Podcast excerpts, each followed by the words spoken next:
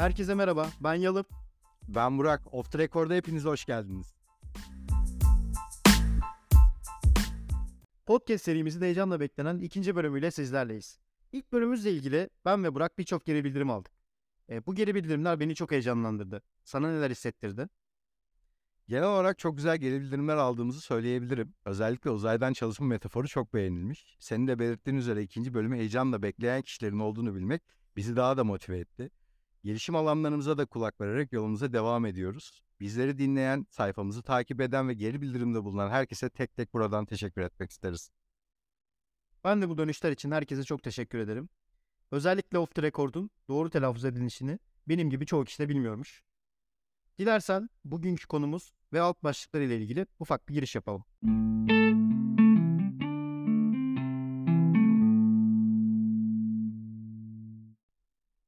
Bugün kariyer yolculuğunda sıklıkla karşı karşıya kaldığımız üç farklı yol ayrımına dair bazı sorulara yine bir metaforik kavram olan Helsinki Otogörü teoremi ile yanıt arayacağız. Helsinki Otogörü teoremi nedir? Bir alanda uzmanlaşmak için ne kadar zaman harcamamız gerekir? Kariyer yolunda rota değişikliği kararını ne zaman vermeliyiz? Rotaya sadık kaldığımız senaryoda kestirme yolları nasıl keşfedebiliriz? Hadi bunları off the record konuşalım.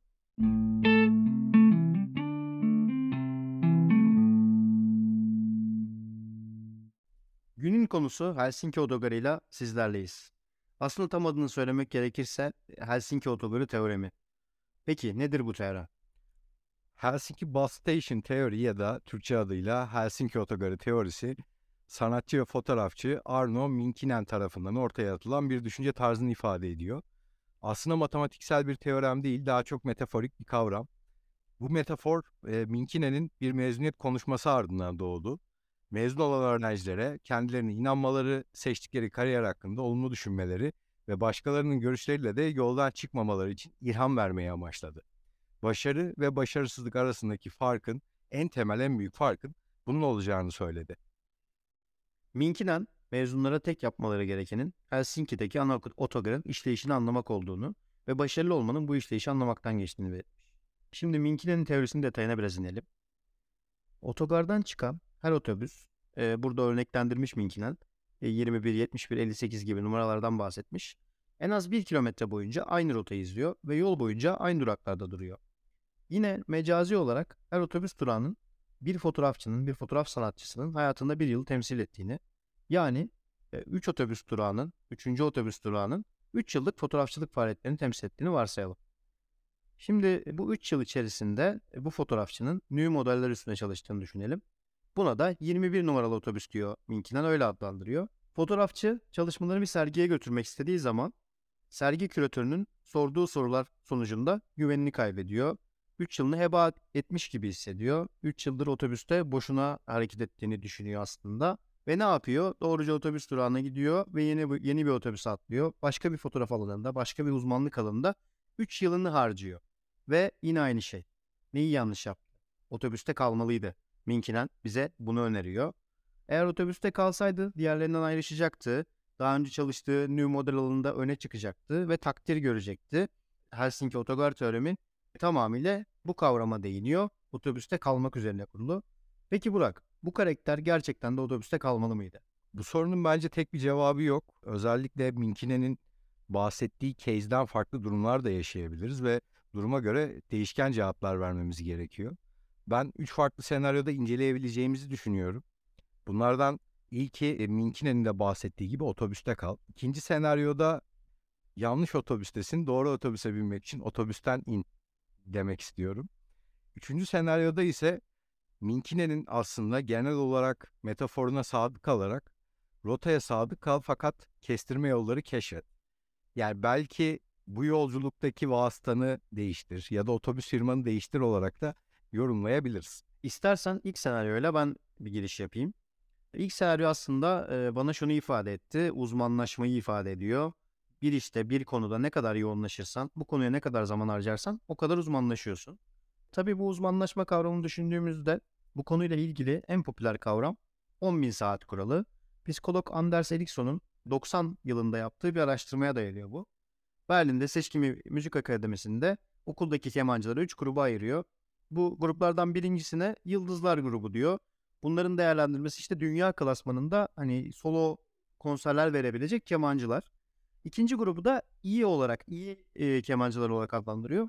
Üçüncü grup profesyonel olarak keman çalması beklenmeyen, işte müzik öğretmenliği yapabilecek bir grup olarak adlandırıyor. Üç ana kalemde. Şimdi bu öğrencilere şunu soruyorlar. Kemanı elinize aldığınız andan itibaren bütün kariyeriniz boyunca kaç saat pratik yaptınız? Üç grupta kabaca 5 yaşında başlamış gruplar. İşler 8 yaşına kadar aynı gidiyor.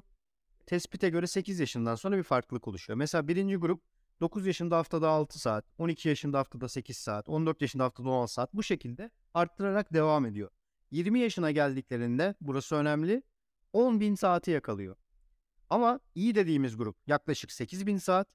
Diğer grup en sonuncu müzik öğretmeni olabileceği dediğimiz grup 4000 saati aşmış durumda oluyor 20 yaşına geldiğinde. Şimdi bu test farklı farklı gruplarla tekrarlanıyor. Mesela sporcularla, farklı piyanistlerle, yine farklı sektörlerden kişilerle. En önemli ayrıntı şu. Doğal yeteneklerle karşılaşılmıyor bu testte. Yani diğerleri gibi 3000 saat, 4000 saat çalışıp da parlayan bir yıldız yok. Yani burada bir dahi yok aslında. Onu gösteriyor. Bir de çalışma süresi çok olup da 10.000 saat yakalayıp da başarısız olan bir örnek de yok. Ya bu çalışmanın gösterdiği şey şu. Bir konuda uzmanlaştığında, buna yeterince zaman ayırdığında sen en başarılardan birisi dünya standartında bir noktaya gelebiliyorsun. Bu imkanı sana sağlıyor. Burada bu sihirli sayı olarak adlandırıyorlar. Bir genel kanı var bu 10.000 saat üzerinde. 10.000 saati tamamladığın zaman uzmanlıkla alakalı aslında e, sen kendi adına o alanda uzmanlaşmış oluyorsun.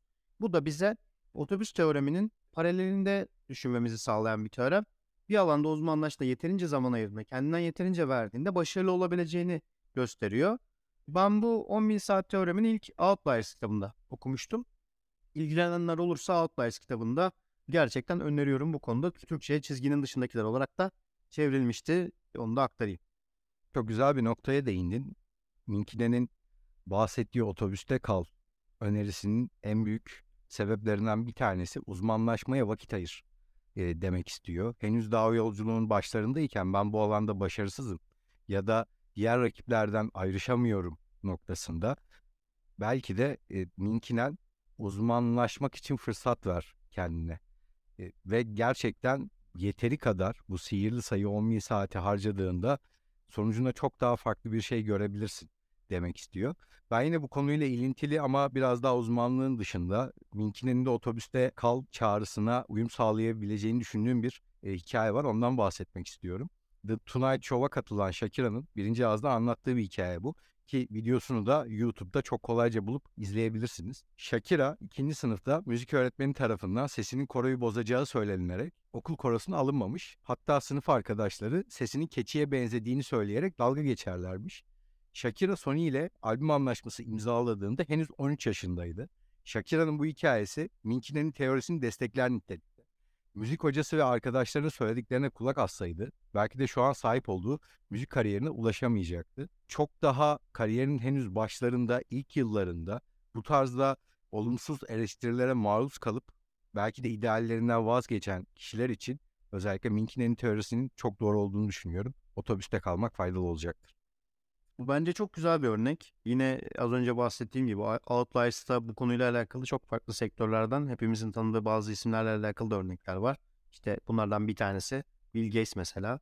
Onun kariyerini ve bu konudaki harcadığı o ilk 10 bin saati, mesleğine verdiği 10 bin saati anlatıyor aslında.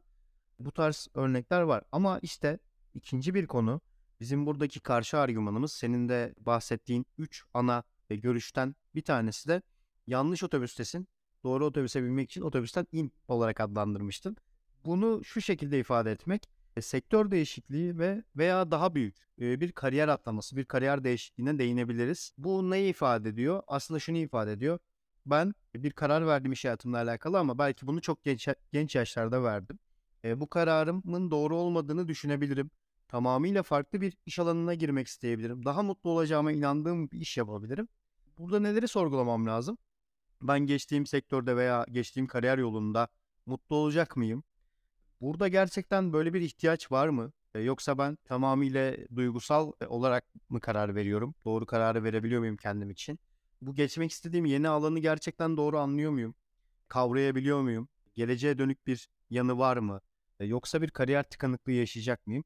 Tabii ki eminim sen de değineceksindir. Mutluluk çok önemli insan hayatında. Ama bir taraftan iş hayatında konuşuyoruz. Para kazanmak bizim en temel ihtiyaçlarımızdan bir tanesi.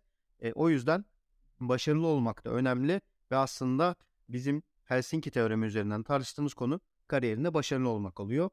Benim düşüncelerim de ikinci konu özelinde böyle.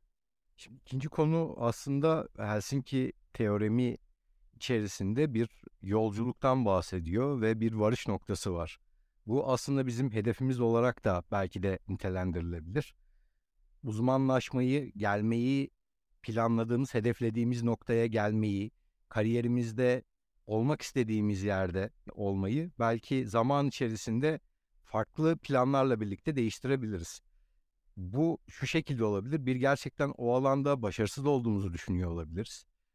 İkincisi belki o alanda başarısız olduğumuzu düşünmüyoruz ama o işi yapmaktan dolayı çok da mutlu olmayabiliriz. İş özel hayat dengesini koruyamayabiliriz. Karakteristik özelliklerimizle ters düşüyor olabilir ve çok daha farklı sebepler de sayabiliriz. Yani o otobüsten inmemiz gereken bir durum da söz konusu olabilir. Belki e, Minkine'nin teorisine %100 katılmadığımız nokta çok erken, çok genç yaşlarda verdiğimiz kararların aslında işin içerisine girdiğimiz zaman arkasında durabilecek seviyede olamamamız olabilir. Belki işte bir müzik ya da bir sanat, bir resim noktasında olsak, bir sanatçı olsak belki büyük heves ve e, ideallerle başlamış olsak belki biraz daha kolay olabilir. Özellikle beyaz yakalar için iş hayatında çok daha farklı sektörler içerisinde gezme fırsatı söz konusu. Yani bugün satış hayatına baş, başlamış biri yarın belki pazarlama ya da finansta kendine çok daha farklı bir konuda yer bulabilir. Biraz daha kolay olacağını söyleyebiliriz. Yani bugün bir gitar sanatçısının yarın ressam olmasından çok daha kolay olduğunu söyleyebiliriz özellikle. Ve kariyerimize başladığımız noktada önümüzü görmemiz, şekillendirebilmemiz de çok da kolay değil. Aslında seçenekleri belirlememiz, fırsatları yaratmamız, sonrasında da aktif bir şekilde çabalamamız gerekiyor. Ve bunun akabinde de kendimize bir kariyer planı, kariyer yolu inşa etmemiz için emek sarf etmemiz gerekiyor. Bu noktada aslında ilgi alanlarımız ve yeteneklerimiz etrafında bir kariyer oluşturmamız gerekiyor. En önemli noktalardan bir tanesi de bu. Çünkü günümüzde aslında baktığımız zaman beyaz yakaların çoğu işinin zorluğundan, yoğunluğundan şikayet edebiliyor. Ya da işinin ona keyif vermediğini, tatmin etmediğini söyleyebiliyor yarın işe gittiğinizde eğer ayaklarınız geri geri gidiyorsa, gerçekten gitmek istemiyorsanız ve bir bıkkınlık, bir tükenmiş hissi yaşıyorsanız belki de tam olarak işinizden nefret ediyor olabilirsiniz. Belki de çok yanlış bir noktada olabilirsiniz. Belki de otobüsten inme vakti gelmiştir de diyebiliriz. Confucius'un bir sözü var. Sevdiğin işi yaparsan hayatın boyunca çalışmak zorunda kalmazsın. Tam olarak bundan yola çıkarak belki de sorun işte de olmayabilir. Yani işin yoğunluğu ya da işin getirdiği sorumlulukların belki de sorun olmadığını da söyleyebiliriz. Aslında sorun tam olarak şurada.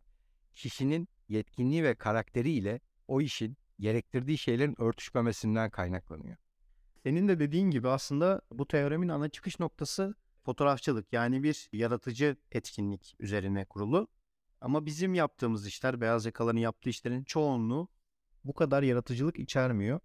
O açıdan teoremi bizim bakış açımızla değerlendirmek e, işin ikinci ve üçüncü kalemlerini de getirdi. Yani işte iş değişikliği, kariyer, sektör değişikliği gibi. E, senin e, burada kullandığın söz de çok güzeldi. Ama sanki bizim işlerimizde e, sevdiğin işi bulmak çok da kolay değil. Çünkü çoğu örnekte bunları rastlayamıyoruz. Genellikle insanlar mutlu olmadan işlerine devam et- ediyorlar. Burada benim aklıma şu geldi. Bir sonraki programlarda e, kariyer yolunun biraz daha sanat tarafından bir konuk alabilirsek eğer bu teoremi onlarla da tartışabiliriz, onlara da sorabiliriz. Yine dinleyicilerimiz arasında sanatla uğraşan, örnek veriyorum bir fotoğrafçı, bir ressam, bir müzisyen varsa belki bu konuyla alakalı bizi aydınlatırlar. Ama benim aslında ilk değerlendirmede de bahsettiğim gibi uzmanlaşmak konusu tam olarak %100 kafama yatan bir konu değil. Diğer seçeneklere bu yüzden değinmiştim ben de. Bu noktada sana kesinlikle katılıyorum. İş ve meslek seçimi hayatımızın en önemli tercihlerinden bir tanesi. E, Bu süreç aslında çok genç yaşlarımızda verdiğimiz kararlara dayanıyor. Bu yüzden de belki ileriki dönemlerde işte kan görünce bayılan birinin doktor olması ya da yükseklik korkusunun olan birinin inşaat mühendisi gibi yüksekte çalışan e, bir işe sahip olması ya da sosyal yönü zayıf olan birinin satış ve pazarlamacı olduğunu düşünelim. E, bu kişinin işten nefret etmesi için yeterli sebep söz konusu olabiliyor ve gitgide aslında e, tükenmesine sebep olabilir. E, bu noktada kişinin e, işini severek yapması çok önemli ve bunu fark ettiği noktada yeni bir fırsat yaratmak için otobüslerinin farklı bir otobüs arayışına girebilir. Bu da kişinin yetkinlikleriyle aslında yeni belirleyeceği rotanın örtüşmesi çok önemli. E, Albert Einstein'ın bir sözü var. Aslında herkes dahidir ama siz kalkıp bir balığı ağaca tırmanma yeteneğine göre yargılarsanız tüm hayatını aptal olduğuna inanarak geçirir der. E, bu noktadan da yola çıkarak gerçekten başarılı olabileceğimiz yeni bir alanda, yeni bir otobüste, yeni bir seyahate çıkmamız belki de en doğrusudur bu noktada. Ve gerçekten hayatımızın geri kalanında daha mutlu, işimizde daha başarılı hissettiğimiz bir kariyer yolunu yeniden inşa etmiş oluruz. İşte bu son sözde, bu son cümlelerinle ben de kendi söylediklerime de daha daha da ikna olmuş oldum. E, çünkü e, uzmanlaşmak evet seviyorsan, o işten keyif alıyorsan ve doğru yoldaysan senin için çok güzel ama e, eğer doğru yolda olmadığını hissediyorsan zararın neresinden dönersen o kar diye çok güzel de bir atasözümüz var. Öyle düşünmek gerekiyor. Bu başlık altında belki bu kadar katı bir değişiklik değil. Üçüncü başlığımız biraz daha yumuşak bir değişikliği içeriyor. Rotaya sadık kal fakat kestirme yolları keşfet olarak adlandırdık bu başlığı da. Ne demek bu? Kestirme yollar e, ne anlama geliyor? E, biliyorsun senle bu teoremi ilk tartıştığımızda e, az önce konuştuğumuz sektör değişikliği veya tamamıyla bir kariyer değişikliği konusunu tartışmıştık ama bir de bunun iş değişikliği tarafı var. E, her zaman iş değiştirebiliyoruz. Tabii ki bir iş değişikliği şu anlama geliyor. E, otobüsten inmek mi inmemek mi işte o konu tartışılır biraz. Yeni bir firmaya uyum sağlıyoruz her iş değişikliğinde. E, insanları tanıyoruz. Şirket kültürüne bütünüyle hakim olmak için bu süreci tamamıyla baştan alıyoruz. E, yani bana kalırsa aslında biz e, otobüsten inmiş oluyoruz. Senin de güzel metaforunla e, otobüs firmamızı da değiştirmiş oluyoruz diye düşünüyorum. Ve bu da bizim için gerçekten zaman alan uzmanlığımızdan, hakimiyetimizden e, bizi çalan bir süreç. E, ben bu süreçle alakalı e, birkaç detaya e, dikkat çekmek istiyorum. Ozan Dağdevre'nin bir yazısını okudum iş değişikliği konusunda. Oradan güzel bazı istatistikler aldım. E, BLS'nin raporuna göre bir yetişkin e, günümüzde iş hayatı boyunca ortalama 12 defa iş değiştiriyor. Yani 12 defa otobüs firmasını değiştiriyor diyelim. E, yine Time to Work'ün rapor, raporlarında e, burada Kanada'yı örnek almış. 92 bin yılları arasında bir işte 4 yıldan fazla çalışan kişi oranı %55-60 arasında. 2000 ve bugün günümüz arasında bu rakam %30'lara kadar düşmüş. E, her geçen günde biraz daha düşüyor. Yine e, daha da özel bir noktaya Silikon Vadisi'ne bakarsak Amazon'da ortalama çalışma süresi bir yıl. E, Google'da 1.1 yıl. Ortalama çalışan yaşı Amazon'da 32, Google'da 29. Yani yeni kuşakta bu süreler çok daha kısıtlı. Özellikle de uzmanlık gerektiren bu tarz sektörlerde. Yani anlayacağımız Y kuşağıyla başlayan Z kuşağıyla devam eden süreçte otobüsten inme süresi kısalmış gözüküyor. Yani şunu söyleyebiliriz. Eğer iş hayatında köklü bir değişiklik olmaz ise istatistiksel açıdan e, bu süreler gitgide daha da kısalacak. Evet bunu çok sık yaşıyoruz. Ama burada belki en önemli nokta rotaya sadık kalmamız. Aslında belirlediğimiz hedef, yolculuk etrafında herhangi bir değişiklik yapmadan o rotayı daha nasıl kısaltabiliriz? Kendimizi daha iyi nasıl geliştirebiliriz diye düşündüğümüz zaman bir noktada bu üçüncü senaryo karşımıza çıkıyor. Senin de belirttiğin üzere her geçen günde buradaki istatistikler aslında bu otobüsten inme ya da e, vasıta değiştirme sürecinin özellikle yeni kuşaklarda çok daha sık görüldüğünü bize gösteriyor. Peki e, neden otobüsten iniyoruz ya da otobüsü değiştirme ihtiyacı hissediyoruz? Maalesef çoğu zaman e, zamanın nasıl geçtiğini fark etmiyoruz ve sonra bir gün geliyor ki e, emeklerimize rağmen istediğimiz kariyere ulaşamadığımızı fark ediyoruz. Küçüyoruz belki depresyona giriyoruz. İşlerden uzaklaşıyoruz. E, bunun temelinde aslında e, birkaç sebep yatabiliyor. Bazen yetkin olmayan bir arkadaşınızın size göre çok daha iyi bir kariyer yaptığını görebiliyorsunuz. Ya da e, mevcut otobüsünüzde yolculuğunuzda size birçok sözler verilmiş oluyor. Fakat bu sözlerin hiçbiri tutulmayabiliyor. Ya da e, odağınıza işinizi kurumunuza almışken ailenizden, sağlığınızdan, sosyal hayatınızdan feragat ederek e, çalıştığınızı ve aslında bu çalışmanın karşılığını da alamadığınızı fark ediyorsunuz. Ve sonucunda hayal kırıklığıyla birlikte işinizden soğumaya, kendinizi geliştirmediğinizi fark etmeye, yaşlandığınızı yılların geçtiğini fark etmeye başlıyorsunuz.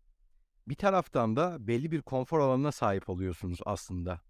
Bir şirkette özellikle uzun yıllarınızı verdiğiniz zaman ayaklarınızda bir pranga misali aslında o şirkete derinden bağlı ve hiçbir yere ayrılamayacak gibi kendinizi hissetmeye başlıyorsunuz. Ve kurumsal dünyada aslında herkesin terfi alacağı bir sistemde söz konusu değil. Firmalar da bu noktada çeşitli yönetimsel çözümler geliştirmeye çalışıyor elde tutmak için.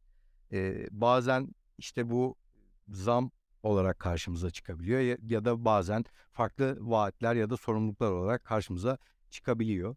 Belki en önemli nokta şu olabilir. Kariyerinizde gerçekten yükselişinizin devam ettiğini mi düşünüyorsunuz yoksa aslında bir duraklama ya da geri gitme döneminde misiniz? Bunun analizini çok iyi yapmak gerekebiliyor. Halihazırdaki pozisyonunuz, işiniz, şirketiniz hala size ileriye dönük vaatlerle size bir gelişim alanı vaat edebiliyor mu? Size farklı fırsatlar vaat edebiliyor mu? Ya da gerçekten artık o doygunluk noktasına ulaştınız, işinizin en tepesindesiniz ve bir önceki gününüzle bir sonraki gününüz arasında hiçbir farkı yaşamadığınızı mı düşünüyorsunuz? Bu nokta gerçekten çok kritik. Çünkü eğer bu şekilde düşünmeye başladıysanız belki de artık vasıta değiştirme zamanınız gelmiştir.